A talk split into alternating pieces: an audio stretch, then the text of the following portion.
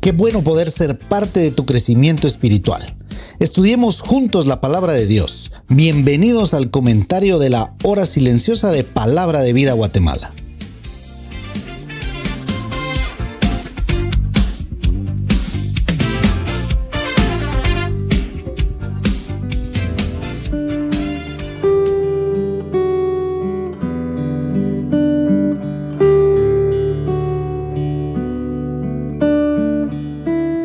Nombre es Ronnie Ajín es un gusto poder compartir contigo el comentario de la hora silenciosa de Palabra de Vida. Hoy seguimos meditando en el Evangelio de Lucas, capítulo 19 de los versículos 1 al versículo 10. La palabra del Señor dice así. Habiendo entrado Jesús en Jericó, iba pasando por la ciudad, y sucedió que un varón llamado Saqueo, que era jefe de los publicanos y rico, procuraba ver quién era Jesús pero no podía a causa de la multitud, pues era pequeño de estatura. Y corriendo delante subió un árbol sicómoro para verle, porque había de pasar por ahí. Cuando Jesús llegó a aquel lugar, mirando hacia arriba, le vio y le dijo, Saqueo, date prisa, desciende porque hoy es necesario que pose yo en tu casa. Entonces él descendió a prisa y le recibió gozoso. Al ver esto todos murmuraban diciendo que había entrado a posar con un hombre pecador. Entonces Saqueo puesto en pie dijo al Señor, He aquí Señor, la mitad de mis bienes doy a los pobres, y si en algo he defraudado a alguno, se lo devuelvo cuadruplicado.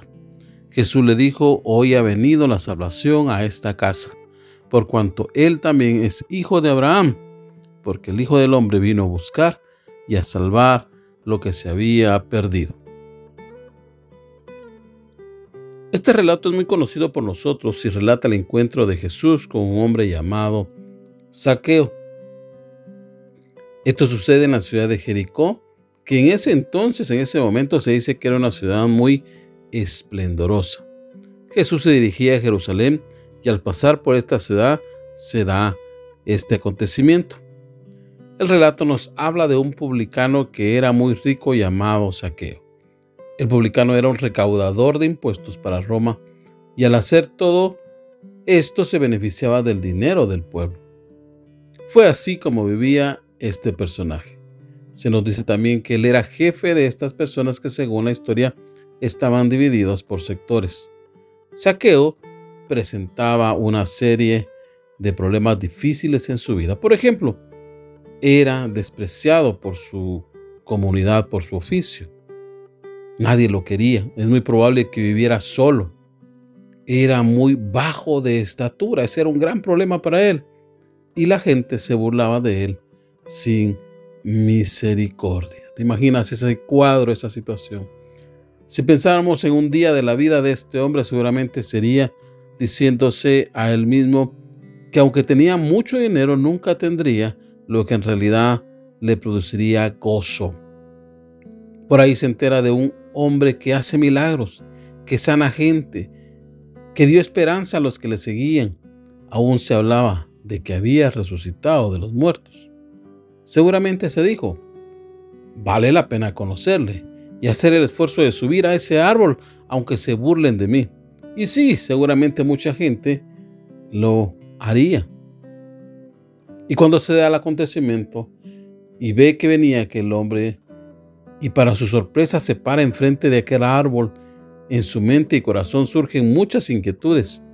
De repente ve a aquel hombre que mira hacia arriba y su mirada penetra hasta lo más profundo de su corazón. No sabía qué iba a pasar y entonces el llamado de Jesús se deja escuchar. Saqueo, bájate, porque es necesario que pueda posar en tu casa. Dice el verso 6 que Saqueo bajó a prisa y con mucho gozo. ¡Wow! Es necesario que esté en tu casa. Esas palabras eran maravillosas. Amigo que me escuchas, es necesario que Cristo esté en tu corazón, que le dejes entrar a la intimidad de tu casa, de tu vida. Tal vez estés viviendo una vida apartada de Dios, tal vez te sientas muy inferior a alguien o a algo, tal vez tengas una vida como la de saqueo, triste, Tal vez la gente se burle de ti. Tal vez lo único que tengas sea dinero, pero no tienes gozo, no tienes esperanza. Sabes, hoy el Señor quiere vivir en tu corazón. Aquel hombre fue transformado y aunque la gente criticaba a Jesús y al mismo saqueo, no importaba. Ese encuentro provocó cambios prácticos en la vida de saqueo. Él dice, si he robado lo devolveré y daré lo que tengo para sustento de los necesitados. Qué gran historia, ¿no te parece? Por eso vívelo.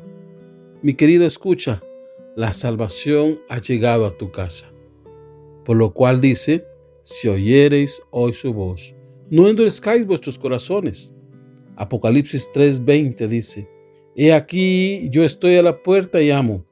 Si alguno oye mi voz y abre la puerta, entraré a él y cenaré con él y él conmigo. Recuerda que Cristo Jesús vino a buscar y a salvar lo que se había perdido. Seguramente Saqueo encontró lo que necesitaba. Ahora estaba completo. Ahora no le faltaba nada. Recuerda, en Cristo soy una persona completa. Que el Señor te bendiga.